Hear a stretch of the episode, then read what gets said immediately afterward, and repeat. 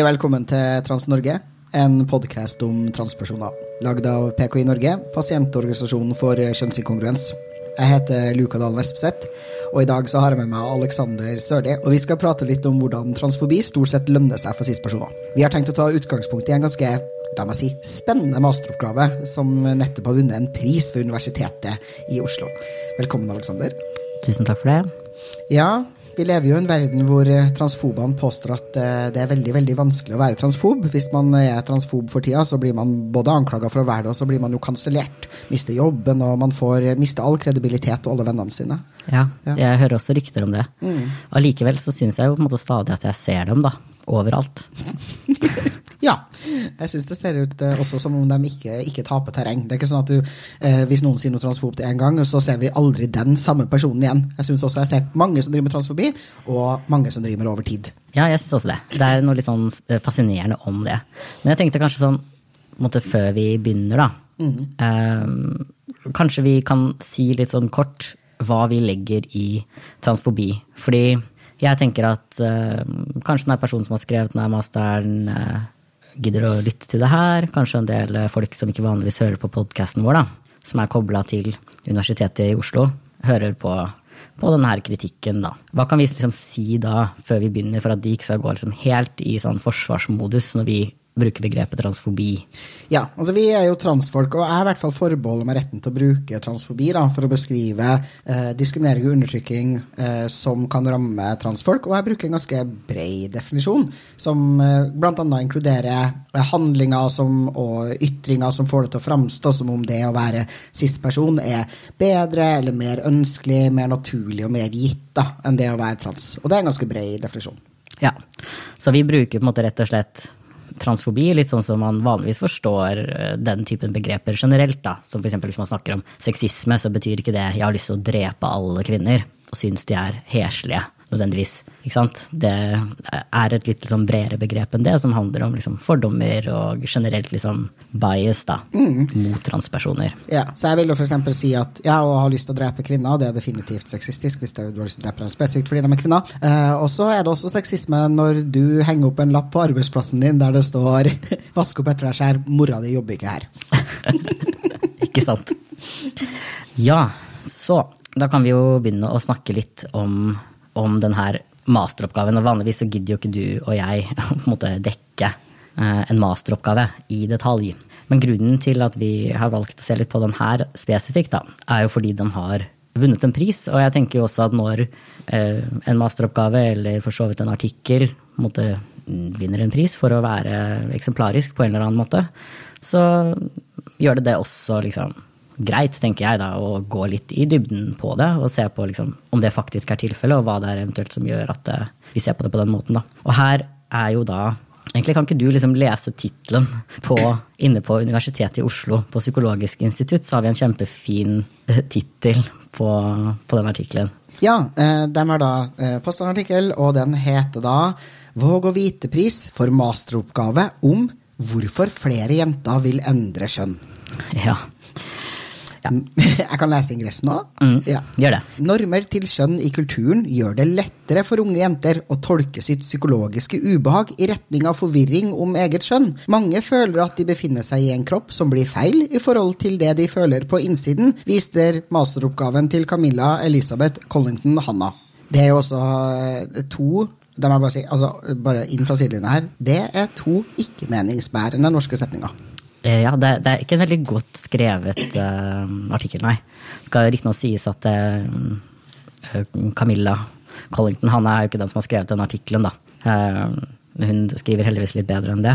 Jeg har jo lest gjennom hele denne, denne masteroppgaven. Men kort oppsummert så er det da altså en masterstudent ved Psykologisk institutt på Universitetet i Oslo har vunnet da en slags liten sånn pris, da for sin masteroppgave som heter A Growing Transgender Population An Analysis of Medical and Cultural Drivers.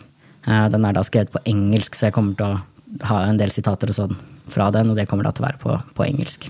Um, og det som er litt sånn fascinerende med den, er jo at som du kanskje hører fra tittelen, så heter denne prisen heter Våg og vite-prisen. Og den handler jo da nettopp om at man skal være litt sånn, litt sånn modig, da. Egentlig. Litt kontrær. Litt kontrær. Tør å, tør å si noe som ikke har blitt sagt før. Nybrottsarbeid. Tør å utforske tanker som ikke har blitt tenkt før, og forskning som ikke har blitt uh, gjort før. da. Ja, så det skal være liksom litt nytt, men også litt sånn uh, modig, da. Og uh, ja, kanskje, kan, kan, ikke vi, kan, ikke du lese litt fra juryens begrunnelse også? Trenger ikke å lese hele nødvendigvis, men jeg tenker i hvert fall, de, i hvert fall den siste delen syns jeg er veldig interessant. da. Ja. Juryens begrunnelse. Jeg kan lese hele. Eh, ja. Camilla Elisabeth Collington Hanna foretar i sin masteroppgave i psykologi en kritisk undersøkelse av den voldsomme veksten i antallet jenter i vestlige land, inklusiv Norge, som søker kirurgiske inngripen for å endre sitt kjønn. Collington Hanna viser på en overbevisende måte hvordan denne utviklingen både henger sammen med utvidede diagnostiske retningslinjer, kjønnsidentitetsteori og et økende tilbud for kjønnskorrigerende behandling. Underliggende ligger oppfatningen om at kjønn utelukkende er en følelse og opp til den enkelte å bestemme. Collington viser i sin oppgave en formidabel evne til å sette inn en rekke empiriske og teoretiske arbeider som belyser hvordan kjønn på kort tid ble opp til individet selv å bestemme, som hun presenterer på et høyst leserverdig måte. Hun utviser samtidig et betydelig mot, da det offentlige ordskiftet om kjønnsbehandling tidvis er preget av sterke følelser og interessekonflikt, og stempling av alle som ikke er er for, men nedsettende betegnelser som transfobe. ja, så det som er modig her, det er rett og slett å risikere å bli kalt transfob. Ja, og det er tøft. Ja. Jeg syns også det er litt interessant, fordi for å være helt ærlig, ingen følger med på mastere som er utgitt. Så at sannsynligheten for at en tilfeldig eh, masterstudent vil risikere å få masse på en måte beskjeder om at hun er transfob i utgangspunktet, tror jeg er særdeles usannsynlig. Bare fordi de fleste vil ikke ha hørt om det. Altså, bli, altså lurer jeg også på, på helt generelt grunnlag som stiller meg det er spørsmålet jeg har stilt før. da. Hvor er det folk blir kalt transfob? Altså, Hvor er det denne liksom, offentlige transfobi, transfobuthenginga skjer? Altså, Hvor er det det foregår? Nei, det jeg vil anta er jo For det første så vil jeg anta at de tolker det å bli kalt liksom transfob som i hver eneste gang noen f.eks. sier at det der er et eh, transfobisk argument, eller det er et transfobisk premiss, så blir det tolka som at du er en transfob. Eh, eller så tror jeg det vil jo primært kanskje være i sånn kommentarfelt, da. Og da igjen også spørsmålet litt sånn hvor mange kommentarfelt til vanlig er det som på en måte diskuterer en standard masteroppgave. Jeg bare syns det virker litt sånn snowflake. Ja. Som om man er litt lettkrenkt, men det er greit. Jeg skal ikke forebegripe begivenhetenes gang her. Fortsett. Nei, jeg, jeg, tenker også for så vidt at man, man, må tåle det. Men for å se litt på denne masteren, fordi en ting jeg tenker er litt interessant her, er jo da å prøve å se på liksom, om den faktisk er bra, da. Fordi jeg har en, en teori. Og den teorien er jo egentlig at det lønner seg, stort sett, å være litt transfob. Um, og det er mange grunner til at jeg tenker det. Eh, det primære er jo f.eks. at vi ser en del tilfeller av sånne ting som det her, hvor eh, f.eks. folk vinner eh, liksom, priser, eller de blir gitt plasser eller oppmerksomhet i media, eller kredibilitet. Da. Egentlig nesten utelukkende basert på at de kommer med en mening som er måte, kritisk quote on til transfolk, eller måte, direkte transfobisk. Og det er et gjennomgående mønster som jeg ser. Altså at man blir rett og slett bare direkte belønna for de her beskjedene. Og derfor leste jeg egentlig gjennom hele denne masteroppgaven og på en måte så litt på det. For jeg tenker at hvis det faktisk er skikkelig bra skrevet, hvis det er godt argumentert, så ok. Da kan det jo fortjene, være velfortjent, kanskje, å vinne en pris. Um, men det, det, er Jeg mener bastant da, at det ikke er tilfellet her. Og det er ikke fordi jeg er uenig, det er fordi jeg faktisk jeg mener at dette, dette er ikke en spesielt god masteroppgave. Fortell oss hvorfor. Ja, jeg skal fortelle hvorfor. Um, så hovedtesen er jo på en måte sånn som det fremkommer litt der også. Hun um, sier rett og slett at hun har tenkt til å se på såkalt cultural and medical drivers, som har ført til da, uh, increasing rates of clinical uh, referrals med da spesifikt fokus på den liksom, female, the female population. Hun bruker ikke ordet jente, selvfølgelig, men female er på en måte det som går igjen. da. Og da ser hun særlig på liksom tre store samfunnsendringer, mener hun. Det ene er liksom eh, avsykeliggjøring. Og så er det det som hun kaller liksom gender identity theory, som i praksis er litt mer sånn kjønnsteori. Og den tredje er liksom the gender affirmative model for transgender treatment, som egentlig jeg forstår mer som en sånn informert samtykkemodell, kanskje. Eller et sånt, en tanke om at man skal eh, anerkjenne da, transpersoners kjønnsidentitet i det medisinske systemet vi har. Ja, den er vel eh, spesifikt brukt om altså de to hovedmodellene for medisinsk behandling til barn, da, som er enten watchful waiting eller gender affirmative model. Ja. Ja. Og skal da se på hvordan dette har ført til ja, da, flere henvisninger, da. Um, som skriver While drawing on young females' vulnerabilities for erroneous interpretations in the current cultural and clinical context. Jeg tenker det er litt sånn viktig her å poengtere at dette er noe man kunne skrevet om på en ganske sånn plausibel og nøytral måte dersom man ønsket det. At dette her kan være ting som har ført til at man får, ser flere henvisninger, eller flere personer som på en måte kommer ut eller bruker begrepet trans om seg selv. Eh, tenker jeg er en ting som man kunne argumentert for på en helt sånn nøytral måte. Man hadde ikke trengt å ta et tydelig standpunkt til hvorvidt det er negativt eller positivt. Eller om det var fordi folk har liksom blitt trans, eller fordi flere har kommet ut som trans. Sant? Fordi når du ser på liksom cultural drivers for et eller annet, så trenger du ikke egentlig å vite så mye om de liksom interne prosessene. Men greia er at hun tar definitivt ikke et nøytralt standpunkt i det her.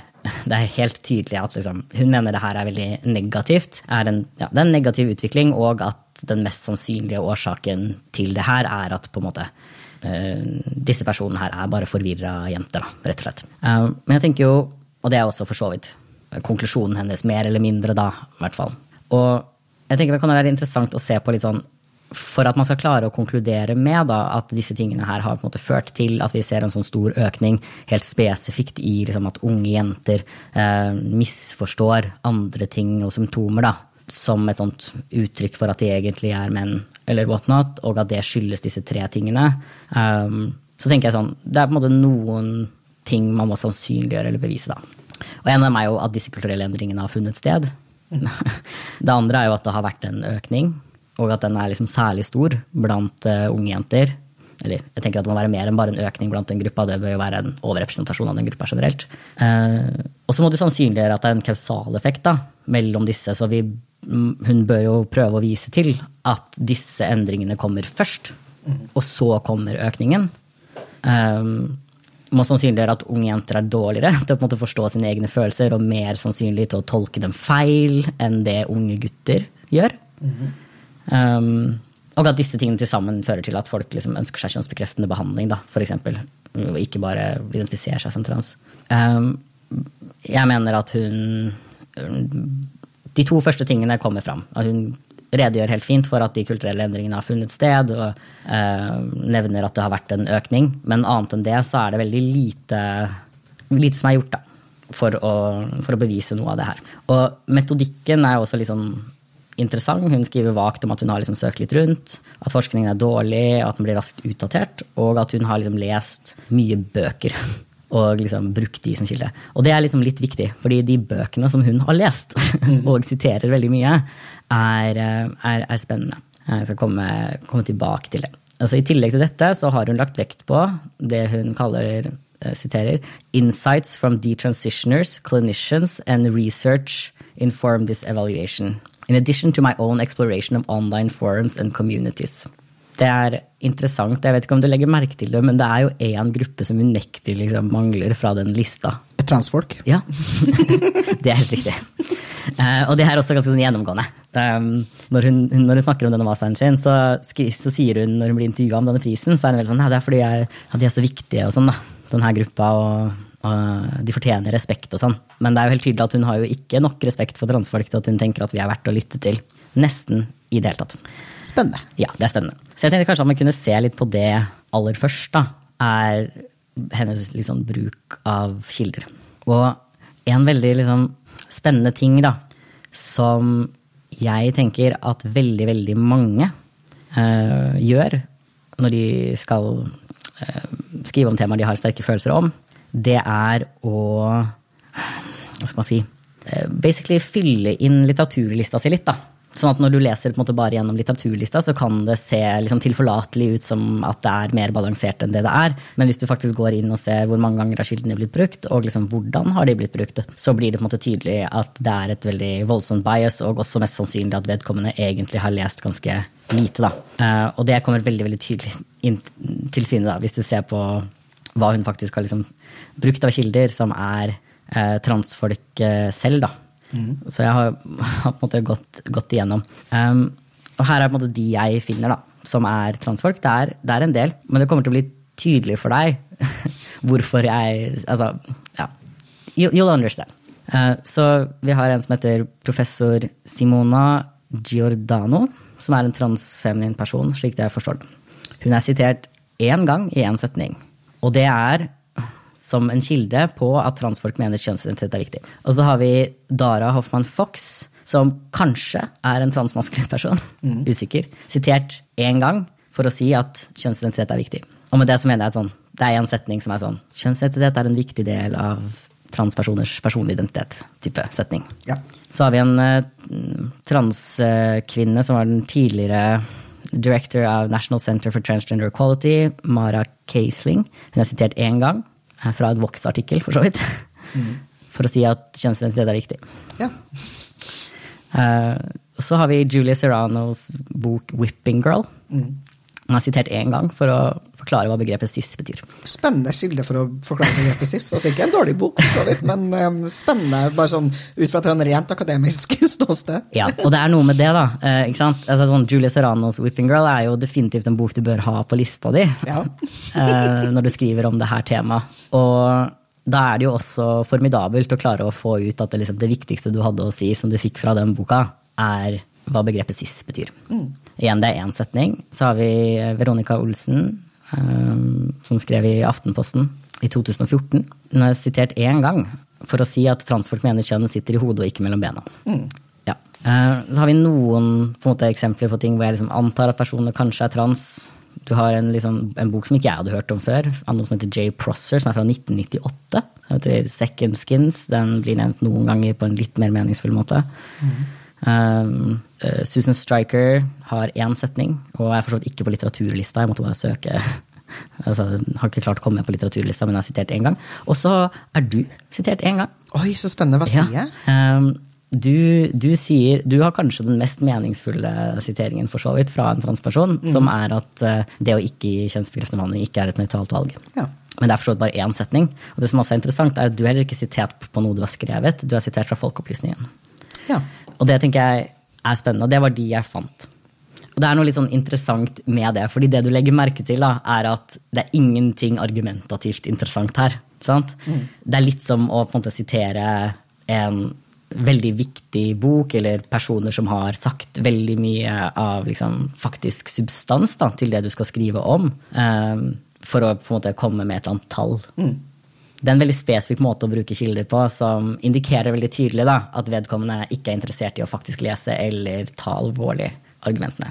Jeg tolker det i hvert fall sånn. Til eh, sammenligning eh, Jeg skal gå litt mer inn på det, det senere, skal ikke bare ta kilder nå. Men jeg kan jo si at liksom, til sammenligning, for eksempel, da, så eh, er det sånn at Kathleen Stock, som jo er en professor i filosofi, som ikke har skrevet selv en eneste fagfellevurdert eh, artikkel om kjønnsbekreftende behandling, og ikke har noen som helst egen erfaring eller klinisk erfaring på feltet. Hennes ene bok, 'Material Girls', er sitert 17 ganger og blir brukt på kjempeviktige måter. Altså sånn, Hun brukes argumentativt hele tiden um, for å komme med liksom veldig sentrale poenger. Boka til Kathleen Stock brukes faktisk også regelmessig for å gjengi hva transbevegelsen mener. ja. Dette er en annen ting som hun gjør veldig ofte, og veldig mye, som generelt regnes som ganske uredelig når du skal skrive akademiske ting. Og det er å bruke en kritikk av noe som en kilde for å si noe om den tingen. ja. Det Av, av opplagte grunner. av opplagte grunner, ja. En bok som kritiserer hva transbevegelsen står for, er ikke en god kilde for hva transbevegelsen står for. Riktig. Og det, dette, gjøres, dette gjøres så konsekvent da, gjennom hele. Altså sånn, Hva transbevegelsen mener, og hva personer som er for kjønnsbekreftende behandling, på et eller annet vis mener eller tenker eller føler, blir veldig, veldig ofte Kilden da, er veldig veldig ofte personer som er kritiske til den bevegelsen. Eh, det gjelder også litt mer sånn generelt, for så vidt. altså sånn mm, en del når det snakkes om bare sånn postmoderne ting, så siteres liksom en bok som heter sånn Cynical Theories, som også er bare en kritikk av det her. Det syns jeg er litt interessant, da. Um, for å være helt tydelig så mener jeg ikke bare at det er en uredelig bruk av kilder, jeg tenker også at det er et, et tegn på at det ikke er et godt stykke arbeid. Da. Man bør så langt det er mulig klare å forholde seg til primærkilder. Mm. Og man bør faktisk lese ting som liksom, transpersoner har skrevet, hvis eh, det du skal snakke om er i stor grad da de interne prosessene og tankene til transfolk. Mm. Og våre motivasjoner. For det er jo det det her er. Det handler jo veldig mye om de interne prosessene og tankene til transfolk som gjør at vi blir så berørt da, mm. av de her tingene og velger å transisjonere. Ja. Det er også en del liksom, merkelig liksom, bruk, av, bruk, av, kilder. Jeg har lyst til å høre hva du, hva du tenker når jeg leser det her, om det er noe som står ut for deg som lite sannsynlig at står i en kilde. Det her er ikke sånn at jeg mener at påstanden er liksom transfobisk engang. Bare sånn rent sånn Hvor sannsynlig er det at dette har blitt sagt av the independent expert på uh, altså den FNs independent expert uh, av diskriminering og vold da, mot mm. LHBT-personer. Mm -hmm. Det er dem vi snakker om spesifikt en rapport skrevet av vedkommende mm. om den formen for vold på et internasjonalt menneskerettighetsperspektiv. da. Hvor det står da Because the transgender and gender variant population have been burdened by the stigma attached to mental illness, the excessive rates of discrimination, victimization, and violence were seen as primarily a result of the condition's inclusion in diagnostic manuals. Ja, nei, det tenker jeg at ikke Det høres ikke sannsynlig ut som at de har sagt det. Nei. Det høres uh, veldig ut som en uh, grov feilsitering av hvordan man snakka om verdien av å flytte Eh, diagnosen transseksualisme ut av kapitlet om mentale lidelser, og gjør det til en ikke-mental lidelse i kapitlet om eh, tilstander relatert til seksuell helse. Og at eh, blant annet det stigmaet som en sånn feilplassering kan medføre, kan bidra til å øke den allerede pågående diskrimineringa av den transkjønna befolkninga. Ja, og det tenkte jo jeg også. Og så er jeg ganske godt kjent med akkurat den litteraturen, så jeg liksom prøvde å å søke det opp, og jeg prøvde å se om det var, liksom, var det noe der, da, i det hele tatt, på en måte, som kunne liksom bli tolka vagt på den måten. Og svaret er egentlig bare nei. Den har til og med en helt eget liksom, kapittel eller sånn underkapittel som heter sånn The Root Causes. Mm -hmm. Som bare tar for seg hva denne independent experten mener er the root causes av transfobi. Ja. Um, Og det er da transphobic violence, like other forms of gender-based violence, stems from gender norms and stereotypes enforced by unequal power dynamics. At the root of the acts of violence and discrimination under examination lies the intent to punish based on preconceived notions of what the victim's sexual orientation or gender identity should be, with a binary understanding of what constitutes a male and a female, or the masculine and the feminine, or with stereotypes of gender and sexuality. The connected acts are invariably the manifestation of deeply entrenched stigma and prejudice, irrational hatred, and a form of gender based violence driven by an intention to punish those seen as defying gender norms. Så altså, pathologization er ikke nevnt engang som en root cause. Altså, det er ikke i nærheten av å være der. Det her for meg er liksom, det er bare juks, dette er tull, liksom. Mm. Der, og det er dårlig arbeid, da. Det er en dårlig forståelse av det som står der, men det er også bare en bruk av kilder som faktisk lyver om det som står. Ja, men det er en veldig ubeleilig skille hvis den skulle vært gjengitt sånn som det står, for da vil den jo egentlig bare underbygge at det hun konkluderer med, da, at liksom de stakkars og jentene blir utsatt for, egentlig er akkurat det samme som transfobi, og det passer jo veldig dårlig inn i narrativet om at transfolkene er det slemme, og at trans er den dårlige tingen man kan bli. du har helt rett, rett, eh, Luka. Og derfor har jeg også litt lyst til å bare Det her er jo da under delen om depathologization. Mm. Hun bruker denne kilden en annen gang også, og da eh, minst like absurd. Der skriver hun at the new perspective of transgender or gender variant identities as normal developmental diversity has permeated wider society and is largely accepted. Altså, nå skal jeg, jeg vil at du skal lese det som, det som faktisk står der, og så se om det som står der, er at det er nå largely accepted. In this connection, the mandate holder notes that the pathologization has had a deep impact on public policy, legislation, and jurisprudence, thus penetrating all realms of state action in all regions of the world and premating the collective conscience, eradicating the concept of some forms of gender as a pathology from everyday life will be a long and difficult process, and the mandate holder is convinced that strong proactive measures will be required to that end. Ja, med andre ord, det står nøyaktig det motsatte. Sånn faktisk nøyaktig det motsatte. Her står det at Ja. ja, it's literally at det er penetrating all realms of state action in all regions of the world. Det er på en måte så langt borte vi kommer fra, da. At dette er en plausibel kilde å bruke på. At det, har, at det er nå largely accepted. Um, når det gjelder liksom kausale ting, da, hvis vi først er inne på dette med avpatologisering, så er det jo også sånn at som jeg syns er litt sånn fascinerende, det er jo at ICD-11 ble introdusert i 2018. Og, og hun skriver jo omfattende om det. Og hun, jeg mener for så vidt at denne spesifikke bare redegjørelsen for hvordan den prosessen var, det er for så vidt helt fint, liksom. Altså det er helt godt skrevet, det er en helt ok redegjørelse for på en måte liksom den faktiske sånn the timeline på en måte, av hvordan det her skjedde. Men hvis du skal bevise en kausal effekt mellom av patologisering, altså av sykeliggjøring, av transidentitet, og denne økningen, så er det jo én ting som er liksom naturlig å se på. For det er jo kanskje en av de mest liksom presise tingene vi kan måle, er jo det. Det er 2018. Og da Jeg har et spørsmål til deg, Luka, og det er hva er det som skjer etter 2018? Altså Ser vi da en sterk økning? Fordi det burde vi gjøre. I henhold til dette. altså Kausal effekt funker sånn. Hvis av, av patologiseringen, som jo helt konkret skjer i 2018, er en driver, så tenker jeg sånn det er veldig naturlig å se på Ja. det. Ja, nei, altså Etter 2018 så har jo den tidligere nevnte økninga den har jo flata ut. Vi ser ikke noe videre økning etter 2018 i antallet mennesker som tenker at de er trans, eller som blir henvist til Rikshospitalet her i Norge, og heller ikke til kjønnsklinikker rundt omkring i verden. da. Nei. Nei.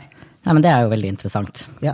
Og man skulle jo også tro, i hvert fall gitt eh, også at, liksom, at det kanskje ville vært en liten delay også i det her. Fordi Ja. altså, man kan jo tenke at ja, depatologiseringa skjer i 2018, men man vil jo tro at det kanskje tar litt tid før det.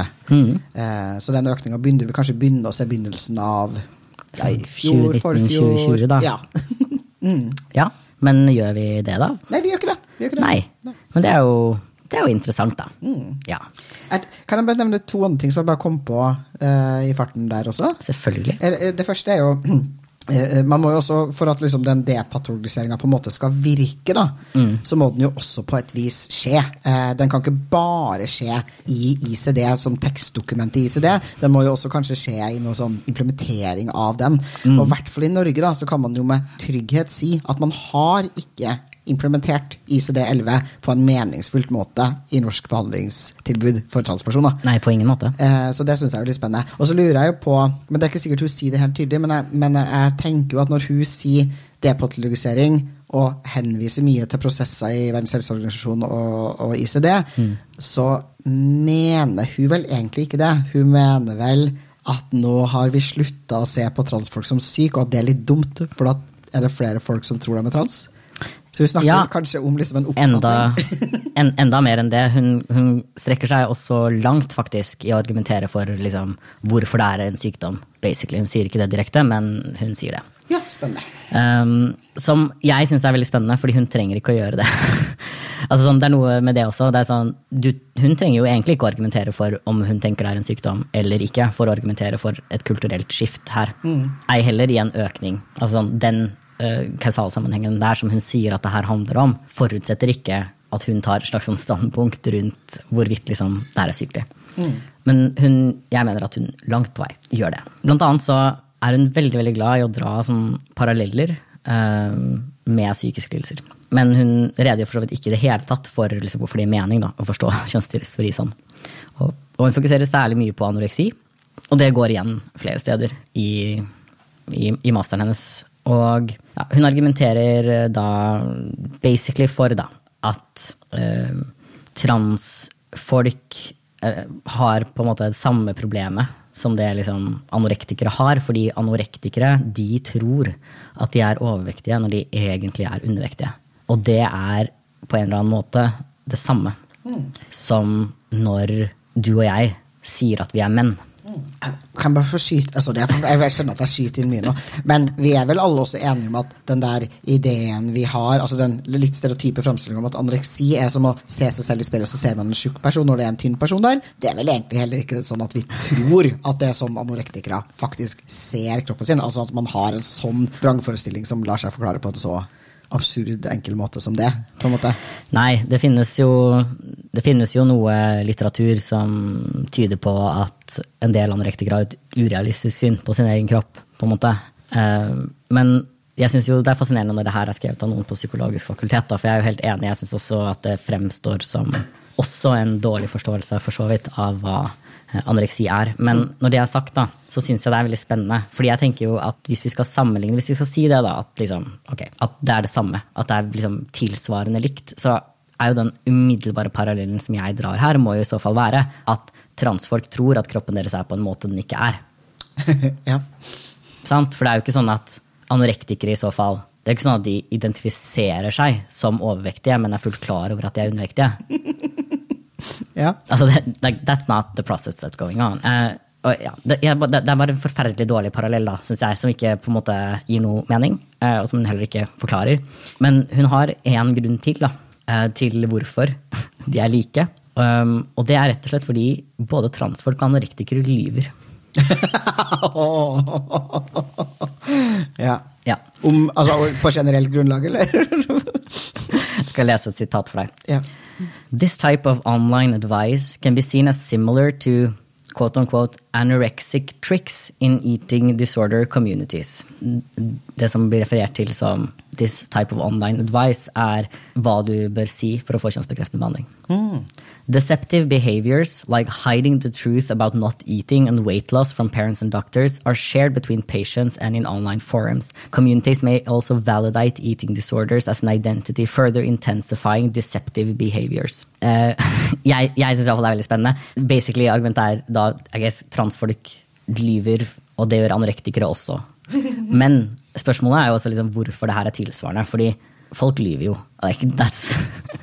Folk lyver om alt mulig rart, liksom. Det, det er jo helt åpenbart. Det fins jo også f.eks. Eh, altså, i land hvor abort for eksempel, er vanskelig å få tak i, eller for den saks skyld liksom, p-piller. Så sånn, det er jo ikke uvanlig å lyve for å få tilgang til en form for behandling eller et form for gode som du opplever at du trenger mm. i et system som er strengt. Og det er for meg i hvert fall ingen åpenbar parallell mellom liksom, det å lyve om hvorvidt du har spist eller ikke. Og det å jeg vet ikke, vri på sannheten eller uh, lyve om jeg vet ikke, din kjønnshistorie som barn, hva du likte med som barn, for å få kjønnsbekreftende behandling. Nei, nei, det passer jo bare argumentet hennes. Så det er jo helt tydelig at hun har et, altså, hun har et argument. Det passer, det. Ja. Det er for så vidt ikke den eneste tingen hun argumenterer for at det er uh, likt. Hun uh, sammenligner også med noen andre sykdommer, bl.a. såkalt liksom, body integrity disorder, som er sånn hvis du tenker at du ikke har lyst på et bein, eh, osv. Og, så og også med såkalt liksom, body dysmorphic disorder, eller et eller annet sånt noe, som, er, som for så vidt også har en veldig fascinerende fremstilling av som et tilfelle av noen som feilaktig tror at de er stygge. Ja, når de okay. egentlig er pene. Som jeg elsker som en sånn argument, eller sånn definisjon av den. Altså, det syns jeg er veldig artig, fordi det betyr jo basically sånn at stygge folk ikke kan få den. Ja, altså, det finnes liksom Jeg elsker altså den. Jeg kan sikker på at hun sier det helt direkte. Ja. Similarly, individuals with body dysmorphic disorder believes mistakenly they are unattractive. Ja, spennende. Så det syns jeg er så spennende. fordi ja, det, hvis de da er unattractive, så kan de ikke ha det. da, formodentlig. Det er helt tydelig at det er mange diagnoser i ICD-LO ikke forholder seg til. Ja, Det kan jo også sies at den, det er også en lidelse som er fundamentalt ganske annerledes. Også i kraft av at den jo også karakteriseres av at det å gjøre endringer ikke gjør at du føler deg bedre. Mm. Altså, det er jo ikke sånn at Hvis du for mener at du har veldig små pupper, f.eks., og så får du deg litt større pupper, og så er du fornøyd med den endringen og er ferdig, det er jo ikke en psykisk lidelse. Selv om vi eventuelt man kan jo mene at det er liksom negativt. En, en, annen claim hun har i forhold til sykdomstingene, er at kjønnsidentitet er en form for liksom, quote unquote mistaken belief. Og det her er altså et argument som hun bruker mye, at det er et slags sånn brudd med virkeligheten, som jeg bare mener at hun ikke klarer å redegjøre for. Mm. i det hele tatt, og som faktisk liksom krever en form for reell redegjørelse. Da. Fordi det er faktisk ikke sånn at det å være uenig om betydningen av et ord, mm. eller ha en slags sånn, ja, form for semantisk uenighet med noen, da, det regnes jo stort sett ikke i psykiatrien som en form for sånn realitetsbrist. Nei, og, og det er ikke sånn at, jeg, at, vi ikke, at, vi ikke, kan forstå at, liksom, at, mange vil forstå ordet mann på denne måten. Mm. Eh, og så vil noen andre forstå ordet mann på denne måten. De aller fleste transport vil jo eh, bedre enn gjennomsnittet klare å redegjøre for de forskjellige måtene som finnes for å forstå skjønn. Og jeg tenker også Hvis du skal kunne tenke, tenke at det er en virkelighetsbrist, så bør du jo ha lite oversikt over de parallelle virkelighetene, skulle du si. Ja, ja, absolutt. Uh, og hun refererer helt eksplisitt til det som uh, et sånn brudd med reality, på en måte. Bruker liksom det begrepet. Um, som jeg for så vidt er, syns er interessant. Jeg skal, jeg skal lese et sitat for deg, så skal jeg ha lyst til å se om du syns at det her er sånn din virkelighet er. First, the idea that the mind and body can be at odds is a mistaken belief. And second, this experience can produce a host of negative outcomes. Regardless of societal stigma or other external factors, it remains a transgender person's primary obstacle is their body, perceiving it to be wrong in a dramatic way. Ja, så spennende. Jeg skulle ønske at det ene sitatet altså den ene gangen jeg var sitert, ikke var for folkeopplysning, men at du kanskje for eksempel hadde lest min mastergrad. For jeg tror jeg liksom samtlige ting hun sier i det sitatet der, eh, det eh, handler hele min mastergrad om å tilbakevise. Ja, jeg, jeg synes det var fascinerende, for så vidt. Jeg var sånn der, din master er jo kjemperelevant, og så er det sånn, hun har ikke giddet å lese noe du har skrevet, liksom. Hun har, hun har tatt et sitat fra deg, liksom, fra Folkeopplysningen, som er tydeligvis det nærmeste hun har kommet, da, og, og, og lytte til, til transfolk, på en måte, i, i det hele tatt. Um, og det Men på en måte så kanskje du skal være glad for at hun ikke har gått så mye inn på deg, fordi vi kan jo komme inn på en annen ting, som er sånn stråmannsargumentasjon. Kanskje du kan forklare hva det er? Nei, det får jeg ikke til. Nei, ok.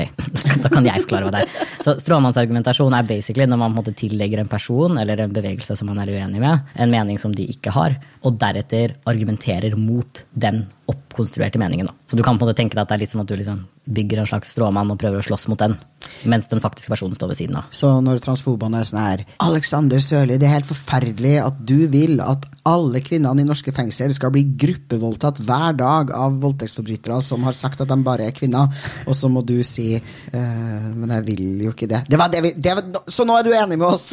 Ja, eller enda mer likt, kanskje, er jo når de sier den typen ting, og så skriver de lange lange tråder hvor de argumenterer for hvorfor det er ille og at kvinner blir gruppevoldtatt i fengsel. Yeah. På en måte Som om det er et slags sånt svar da, på, på en måte mitt argument, når jeg liksom aldri har kommet med det argumentet.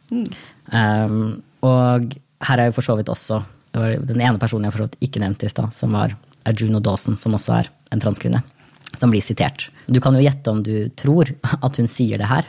Så da står det da. For some, distinguishing between two types of women with reference to biology is considered hate speech and unaccepting of true identity. Det er da snakk om whether a transgender woman is the same as a biological woman. Tror du det er sannsynlig at Juno Dawson har skrevet en artikkel om at det er hate speech å si at cis-kvinner og transkvinner ikke er helt like? Nei, jeg tenker at hun sannsynligvis heller har skrevet en artikkel om at det er veldig nyttig å kunne skille på cis- og transkvinner, hvis du har skrevet noe om de, de underkategoriene av kvinner der. Eh, Faktisk så er den artikkelen som siteres, sier ikke noe om det i det hele tatt. Nei. Den heter 'Fears about transgender people are a distraction from the real struggles all women face'.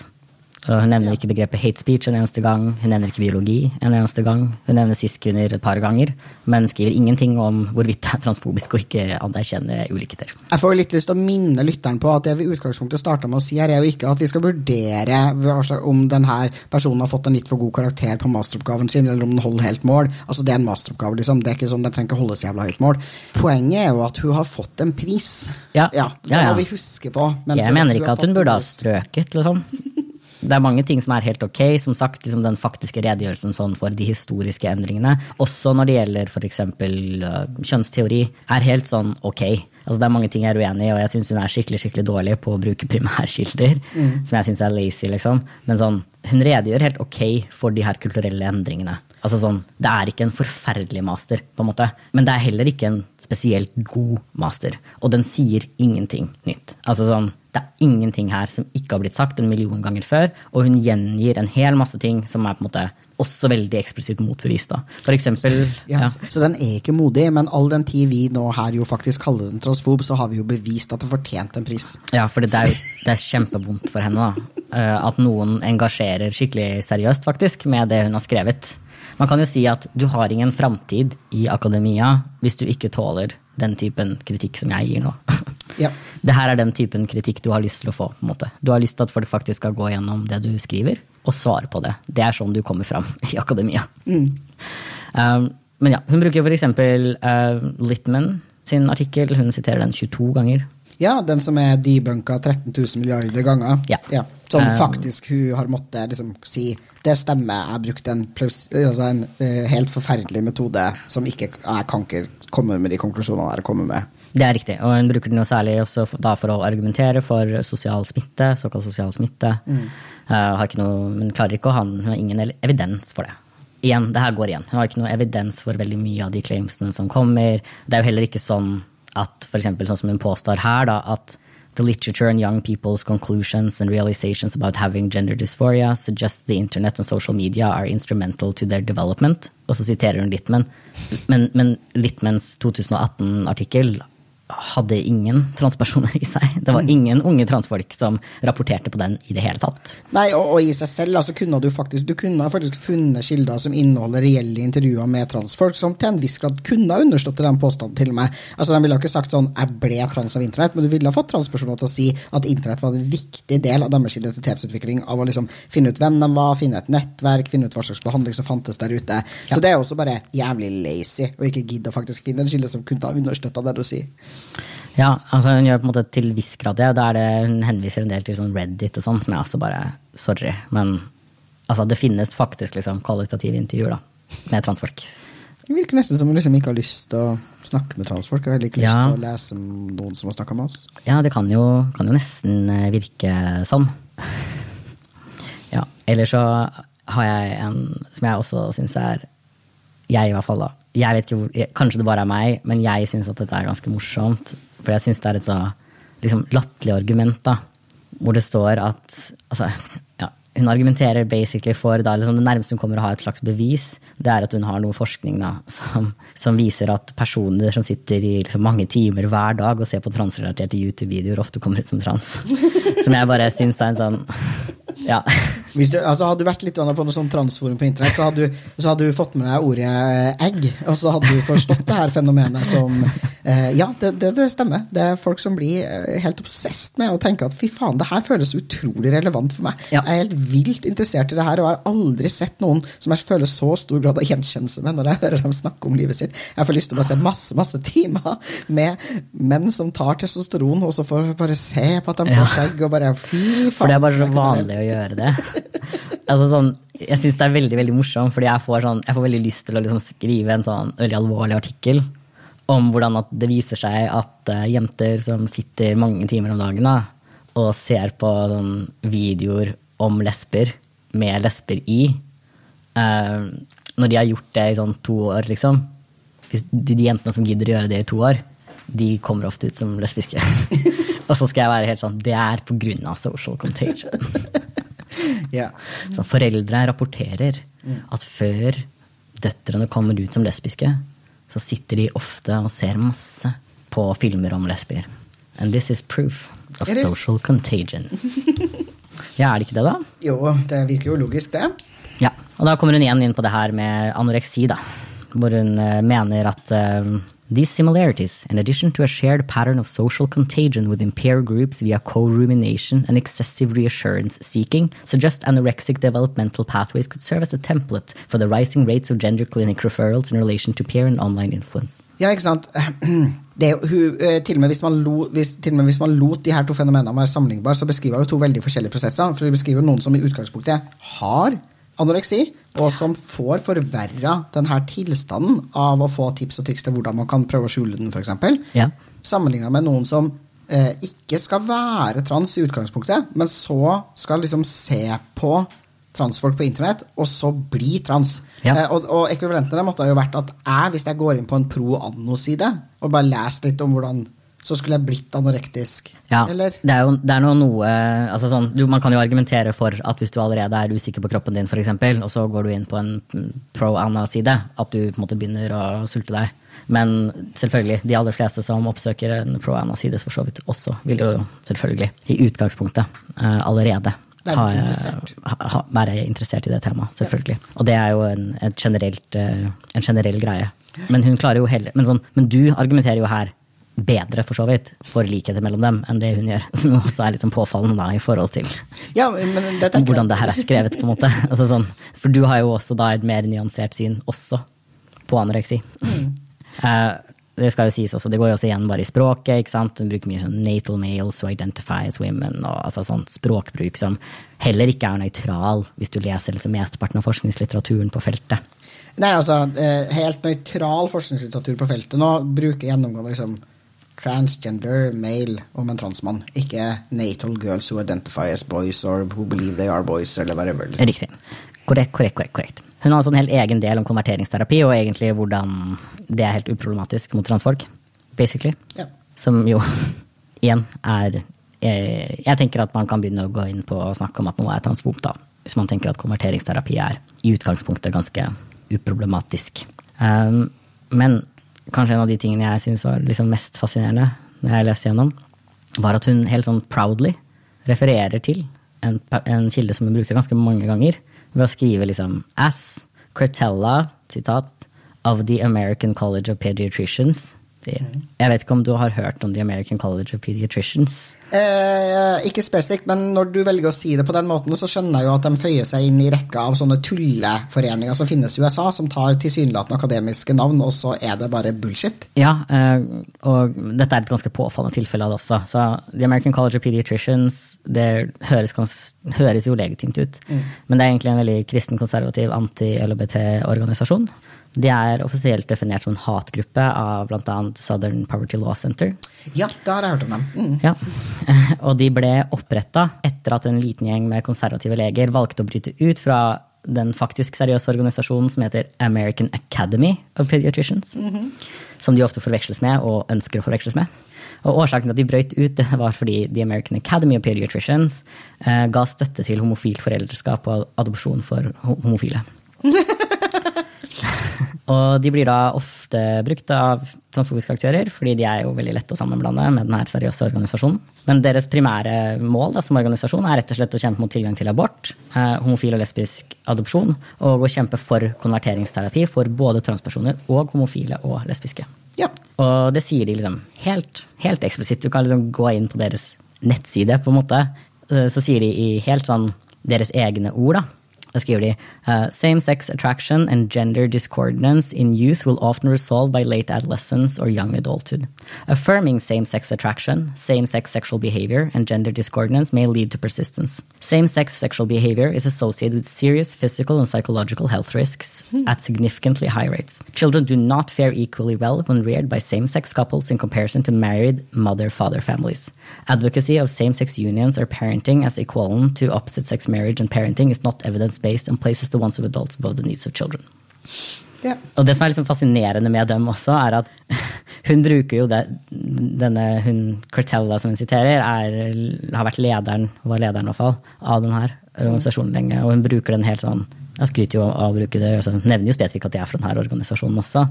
Og det er fascinerende, fordi hun prøver på en måte litt å være sånn Men det her er litt annerledes enn når man argumenterer det her mot homofile og lesbiske. Ja. Mens det er sånn Ja, your sources disagree with you, though. Uh, og det er veldig spennende med The American College of Pediatricians, er jo at de faktisk En av hovedgrunnene til at de argumenterer liksom basically også imot at altså, å anerkjenne transfolk og liksom sosial transition av barn osv. Altså sånn i barndommen, er at majoriteten av barn som gjør det, vil bli homo. ja. Og så vil resten bli trans. Så du har en sånn De argumenterer for at du vil få sånn homosexual behavior av at kids blir trans. Fordi transkids er enda mer sannsynlig til å være homo i deres øyne. Mm. Så også hvis vi transitioner, så blir vi homo. på en måte. Ja. Så det er på en måte et av argumentene at det er liksom enda vanskeligere å få oss å ikke være homo. Charming. Ja. Så needless to say, da. Hun har mange spennende kilder. eh, Og det er kanskje det siste jeg skal si. Jeg har ikke, merket at jeg har skrevet sjukt mye. Hvis folk er interessert i det, så kan jeg sikkert liksom legge ut min snart egen lille masteroppgave om denne masteroppgaven. Eh, Men det merker jeg at jeg har ikke veldig, veldig lyst til. Men jeg har litt lyst til å bare gå gjennom et par av disse kildene, på en måte, som går igjen her. Så jeg nevnte jo litt, men Kathleen Stock, Material Girls, blir brukt da liksom 17 ganger. Litman sin artikkel blir brukt 22 ganger. Um, I tillegg så har hun brukt en tera terapeut som heter Sasha Ayad en del, og spesifikt liksom hennes sånn YouTube-videoer. Ja. Ja. Eh, Sasha Ayad er eh, en veldig spennende dame som du på ingen måte finner hvis du primært leter etter denne informasjonen på offisielle kilder. Så, så det er helt åpenbart at hun, hun gjør ikke det. Altså, hun har funnet veldig mange av sine kilder gjennom transfobiske aktører. Mm. Sasha Ayad tjener veldig gode penger på basically konverteringsterapi. Mm. Og hun har også veldig dyre såkalte liksom, retreats for foreldre til transkjønna barn. Hvor målet basically er at de skal sitte sammen og snakke om hvor fryktelig vondt det er å ha barn som er trans. Eh, inkludert et sitat hvor hun egentlig sier at det inkluderer sånne ting som å snakke om hvordan det at barnet ditt er trans, gjør at du tenker at du hater barnet ditt og skulle ønske du aldri fikk barn. Å, fy faen. Ja, Så det syns jeg er veldig sjarmerende, da. Eh, hun har også skrevet artikler sånn som 'Parallels between lobotomy and childhood gender transition'. Vi bruker også en som heter Stephen Levine, blir eh, brukt mange ganger, nesten 30 ganger, i løpet av denne. Han er uh, så konservativ at han er imot basically også sosial transition. Er veldig skeptisk til også sosial transition. Mm. Og er helt eksplisitt på at han mener at ingen skal få noen form for behandling, i hvert fall de, før de er 18 år. Han er en veldig sånn antitrans-advocate. Han har stilt opp som en, en måte, ekspert, quote unquote, ekspert i liksom, rettssaker for å frata transfolk rettigheter i USA. Så han er på en måte, ja, han er en forsker, men han er også noen som veldig veldig aktivt på det, faktisk lobber da, mm. for å frata liksom, transfolk rettigheter.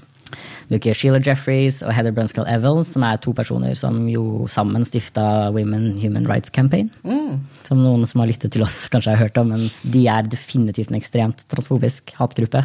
Um, og ja, man kan, man kan fortsette sånn basically forever. Hun bruker også mange bøker som er tilsvaret den som heter Material Girls. sånn som uh, ja, Trans, Exploring Gender Identity and Gender Dysphoria. Uh, hun siterer Abigail Shryers 'Irreversible Damage', 'The Transgender Craze', 'Seducing Our Daughters'.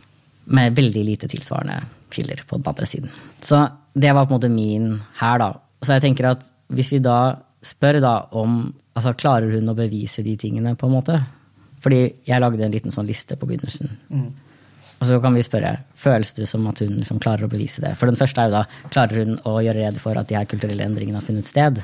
Ja, jeg vil si det. Altså sånn, De delene igjen, den historiske gjengivelsen av veien mot liksom, the gender affirmative approach, og hva det er, eh, hva kjønnsteori er, og hvordan det kom, og liksom, av patologiseringen. Mm. Det er helt, helt, greit skrevet, liksom. Sånn, jeg syns at det er relativt ok. Jeg syns også hennes redegjørelse av hvordan faktisk kjønnsbekreftende behandling er og funker, er relativt ok. Mm. Faktisk forbausende lite liksom uh, alarmerende rundt puberty blockers, f.eks. Sånn, det er en helt, gjengiv, helt ok og fin liksom, gjengivelse av litteraturen når hun bare gjør sånt slags litteratursøk på en måte, ja. og gjengir det. Og så er spørsmålet liksom, klarer hun å re gjøre rede for at det har på et eller annet tidspunkt vært en økning i denne gruppa unge jenter som søker behandling. Ja, hun snakker veldig lite om det, for så vidt, men hun siterer noen kilder på at det har skjedd. Og så er spørsmålet om hun sannsynliggjør at det er en kausal effekt mellom dem, da. Sånn at de kulturelle endringene kommer først. Mm. Ja. Basert på det du sier nå? Nei. Nei, jeg, jeg, mener jo at hun ikke gjør det i noen sånn veldig stor grad, egentlig. altså sånn, I hvert fall det her med liksom, depathologization, så syns jeg at hun i veldig liten grad klarer å redegjøre for at det har vært en økning etter 2018 som ville vært det sånn naturlige punktet å sette det. Hva med å sannsynliggjøre at unge jenter er dårligere til å forstå sine egne følelser og mer sannsynlig til å tolke dem feil enn unge gutter?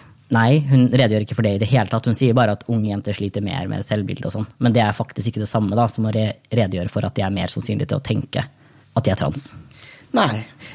Eh, bare ut av nysgjerrighet. Altså, det var ikke med på lista di, men snakka han liksom om liksom, trange kjønnsroller sånn for jenter og andre ting som, som dem hun ofte siterer er veldig opptatt av? For det er jo no, ja. det er på en måte et litt annet spor for å skulle forklare hvorfor særlig de her såkalte unge jentene er så vanvittig sårbare. Ja, hun gjør det. Hun gjør det, og gjengir veldig mye av de samme tingene som, som alltid gjengis. Hun mm. anerkjenner for så vidt at kjønnsuttrykk og kjønnsidentitet ikke er det samme. Mm men konkluderer likevel med å spørre sånn retorisk da, om ikke sammenblandingen av de her tingene er grunnen til at transidentitet finnes. da. Mm. Grunnen til at, altså, Jeg tolker det som ja, at jenter er dummere og mindre i stand til å reflektere enn gutter, men ja. det sier hun ikke. Da, men siden du sa det, så har jeg lyst til å lese den her, for jeg syns den er så dårlig. Mm. Som er Today, public discourse about gender can be seen characterized by some contradictory assertions. One goal seems to assert that gender stereotypes must be eliminated in order to accommodate those who do not experience alignment between gender identity and sex or otherwise depart from gender norms. Yet, Many transgender people fulfill these stereotypes through their gender external expression. I motsetning til cis-folk, Ja. som jo ikke gjør det her. Jeg har aldri sett en cis-mann være stereotypt maskulin, og jeg har aldri sett en cis-kvinne være stereotypt feminin. Eh, og jeg syns også det er så gøy at vi liksom får ansvar for å være bærerne av kjønnsnormene når vi utgjør en halv prosent av befolkninga. Sånn By default så vil normen skapes av noen som utgjør flertallet. Ja. En rent, ass. Jeg bare elsker den. Det minner meg veldig om hvis noen har sett den her lille tegneserien. Av liksom, det er noen som sliter seg ut, liksom. Og så er det en liksom fyr som popper opp på siden med sånn her Fedora på, og er liksom sånn ah, You criticize society, and yet you participate in society. Ja. på en måte, et eller annet sånt. sånn, det er veldig den følelsen jeg får. Da, sånn, sånn, ok. Sånn, du kritiserer samfunnsnormer, men likevel følger du noen samfunnsnormer. og det er spesielt spennende når du har jo den artikkelen også, og du kan jo Ja, vi kan jo spørre da, Luka, når du ser nå et bilde av den, av den dama. Tenker du det er noen som ikke følger normer for kjønn? Og jeg kan jo røpe at hun selv innrømmer at hun ikke er LHBT på noen måte. Oi, hun gjør det? Ja, I'm surprised. hun er også en heterofil cis-person. Men for å komme litt tilbake igjen da, til eh, det som var liksom temaet. Jeg tenker at det er jo spennende også f.eks. hvordan Catherine Stock har funnet veien hit. For hun er jo sånn, sånn, sånn klassisk eksempel på en akademiker som jo ikke har egentlig noe relevant utdanning i forhold til det her, ikke har publisert noe fagfellevurdert forskning på det her, og ikke har noe personlig erfaring innenfor det her feltet. Og for så vidt heller ikke har jobbet noe særlig med si feministisk, feminist, altså feministisk filosofi generelt. Eh, men som likevel da, siteres så voldsomt mye i liksom forskningslitteratur og blir tatt helt voldsomt seriøst og har solgt masse av den boka si, Material Girl, som liksom handler om det her temaet. Og det for meg virker jo litt som at hun faktisk belønnes for å være transfob. Ja. Ikke straffes for det. Altså sånn, Hele den masteren her er jo full av folk som ikke har gjort noen ting egentlig for å fortjene å bli sitert så mye som det de gjør. Altså sånn, Veldig mange av dem er ikke eksperter heller på det her feltet. De er bare personer som har blitt kjente og som har solgt bra fordi de har vært kritiske til transfolk. Altså Det er det som har gjort dem kjente. Og vi har mange sånne her i Norge òg. Hadde ikke vært sånn at Christina Ellingsen hadde blitt invitert på Debatten hvis hun var, mente at transfolk var bra. Nei. Nei. Og hvis du bare ser på også hvem som ble invitert på debatten, for så vidt, så kan du jo også se hvor mye ekspertise da, de som var transpositive måtte ha, og hvor mye erfaring vi måtte ha for å bli invitert, sammenligna med de som bare har stilt seg kritiske. Der kreves det ingenting for å bli fremstilt som en slags ekspert. Eller for å få ros, eller for å få oppmerksomhet, eller for å få solgt bøkene. Sant? Det er ikke en tilfeldighet at ikke f.eks. bøker sånn som bare The Transgender Issue da, av liksom Sean Fay ville vært en kjempenyttig bok for denne personen å faktisk lese. Den er ikke på den lista. Altså Transpositiv litteratur generelt liksom, slår ikke an da, på samme måte. Og jeg mener også desidert at den her masteroppgaven, hvis den hadde vært en masteroppgave med tilsvarende kvalitet, da, i på en måte hvor eventuelt original den var, hvor godt skrevet den var, og hvor liksom redelig forhold den hadde til kildene sine, hadde vært transpositiv. Hadde ikke vunnet en pris, liksom. Nei, og jeg vil, jeg vil til og med tørre å sikkert si at den sannsynligvis ville fått litt dårlig karakter òg. Altså, men den hadde i hvert fall ikke vunnet en pris for å være modig. På ingen måte. Og det er også spennende at det blir sett på som modig, for så vidt, å si ting som altså, langt på vei blir sagt hele tiden, men også er liksom det som basically er normen i Norge. Ja, for det er jo det jeg syns er festligst med denne ideen om at transfobi er så Altså at det å være transfob, det å være transnegativ eller transkritisk, eller å være liksom sånn ikke hyllende til kjønnsbekreftende behandling, eller ikke hyllende til at barn skal kunne sosialt transisjonere, at det blir fremstå som om det er jævla kontrært. Altså som om det er en helt uvanlig mening å ha, og definitivt ikke noe man kan si høyt, for da blir man straffa i huet og ræva. Og det er bare sånn Majoriteten i Norge mener de tingene her. Majoriteten i verden mener de tingene her. Og det har blitt litt bedre holdninger til transfolk liksom, de siste årene, men du, det er ikke sånn at majoriteten av norske folk er sånn Kjønnsbekreftet behandling er kjempebra. Og ikke still noen kritiske spørsmål til det, for det må alle barna få når de vil ha det. Det ja, mm. Nei, altså, det er jo faktisk tvert om, da. Altså, som denne her independent experten skrev, liksom. Det er motsatt, liksom. Ja. Transfobi preger liksom alle samfunnsinstitusjoner i alle deler av verden. Ja. Ennå. It's everywhere. Det er ikke kontroversielt å si de her tingene. Og det at vi lager en podkast om det nå, nå også, gjett hva? Det kommer ikke til å ha en dritt å si. altså sånn, jo, kanskje noen lytter til det, da. Um, best case scenario så er det noen som på en måte um, hører på det her og tenker at ja, kanskje vi sant, burde vært forsiktige med å ikke valgt en, en, masteroppgave som i hvert fall var så uredelig, eller så åpenbart uredelig med kildene sine, eller tenke seg litt mer om, da. Men det er ikke sånn at det kommer til å ha konsekvenser på den måten at måte, det kommer til å føre til at en person kommer til å slite med å få jobb, f.eks. Og det kommer jo ikke til å heller liksom, eh, måle opp til den prisen. Altså den, den prisen vil mest sannsynlig gjøre at hun faktisk kommer til å ha lettere mm. for å få jobb og bli tatt mer seriøst. Ja, og Hvis det skulle komme noe substansiell kritikk da, som følge av vår eh, podkast mot eh, prisvinnerne, eventuelt dem som har gitt av prisen, som jeg tenker at dem som har gjort noe særskilt kritikkverdig her, eh, så, så kommer det bare til å føre til at Camilla her får masse positiv omtale i media, masse støtte. Det kommer sikkert til å Transfobene på internett kommer til å lage sånn eh, VIPS til innsamling til støtte for hun, eh, og man kommer til å være sånn Og det er utrolig tøft at du tør å gjøre det her.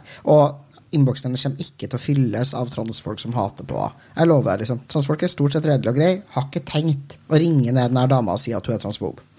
Nei. På ingen måte.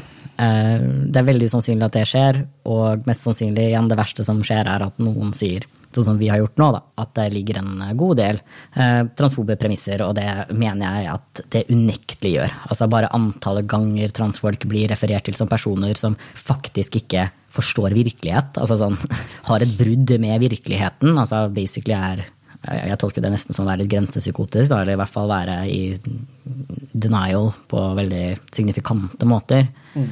Og ja, den, den generelle liksom, underforståttenheten her om at det er veldig negativt eh, at det finnes eh, transfolk, basically. At konverteringsterapi er, er, bra. At det ligger et underliggende premiss der selvfølgelig også om at det beste utfallet alltid er et utfall. Der hvor folk blir cis, osv. Altså sånn. Mm. Det her er helt klassisk. Altså, det er ikke noe Det må være lov å si, da. At dette er liksom transfobiske premisser også. Yep. Og det er en helt redelig kritikk av det. Det er ikke basert på ingenting. Og det kan jo også folk eh, huske på. Veldig ofte så blir jo transfolk anklaget for å bare komme med den anklagen mm. basert på ingenting. Man, man bare kaster det om seg. Men jeg føler jo at du og jeg bruker veldig mye tid på å forklare hvorfor. ja, både på å forklare hva vi legger i begrepet transfobi, sånn på generelt grunnlag, og når vi bruker det, og hvorfor det er nyttig. Hvorfor liksom tenker at transfolk burde få lov til å eie det begrepet og lov til å bruke det i dagligtallet. Mm. Hvordan diskusjonen alltid derailer om hva som skal være innafor eller utafor hvorvidt folk er det, og at det er bare transfobt i seg selv. Eh, og nummer tre, vi bruker faktisk ganske lang tid på å forklare hvordan konkrete setninger og handlinger kan forstås som transfob, og hvorfor. Absolutt. Jeg vil bare nevne en siste gang apropos liksom tjene på transfobi. Mm. Altså Personer sånn som Anne Kalvig, som har null en religionsviter, altså har null relevant klinisk erfaring eller liksom kompetanse på kjønnsbekreftende behandling, har jo nå sittet og blitt tatt veldig seriøst i en eh, liksom, ekspertgruppe i forhold til utredning av behandlingstilbud for transkjønna barn mm. i Norge. Altså sånn, Det er så mye influens da, typ transfobiske aktører har. Altså sånn, De inviteres faktisk inn i helt sånn interne prosesser. Og sånn har det vært fra starten. Det har vært flere sånne transfobiske aktører som har eksplisitt blitt invitert med inn i typ lukka grupper, altså. Hvor transfolk stort sett har blitt holdt ute eller har måttet kjempe for å komme inn. Sånn at liksom, du, du belønnes faktisk på helt sånn signifikante måter i forhold til å bli lytta til, å bli tatt seriøst, å få solgt ting, få ting publisert, få samla inn penger til liksom saken din hvis du blir kritisert. Mm. Like, it's profitable. Yeah. ikke bare er det ikke modig å på en måte si transfobe ting, du tjener på det, liksom. Yeah.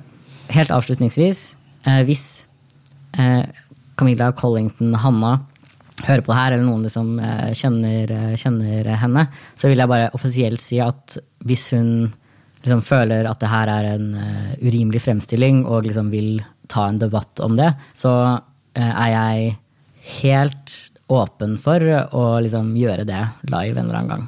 Jeg, godt, jeg føler meg helt trygg på, på måte, min tolkning og liksom kritikk av det her, og jeg er, uh, hadde vært mer enn happy for å måte, diskutere det foran et publikum, da.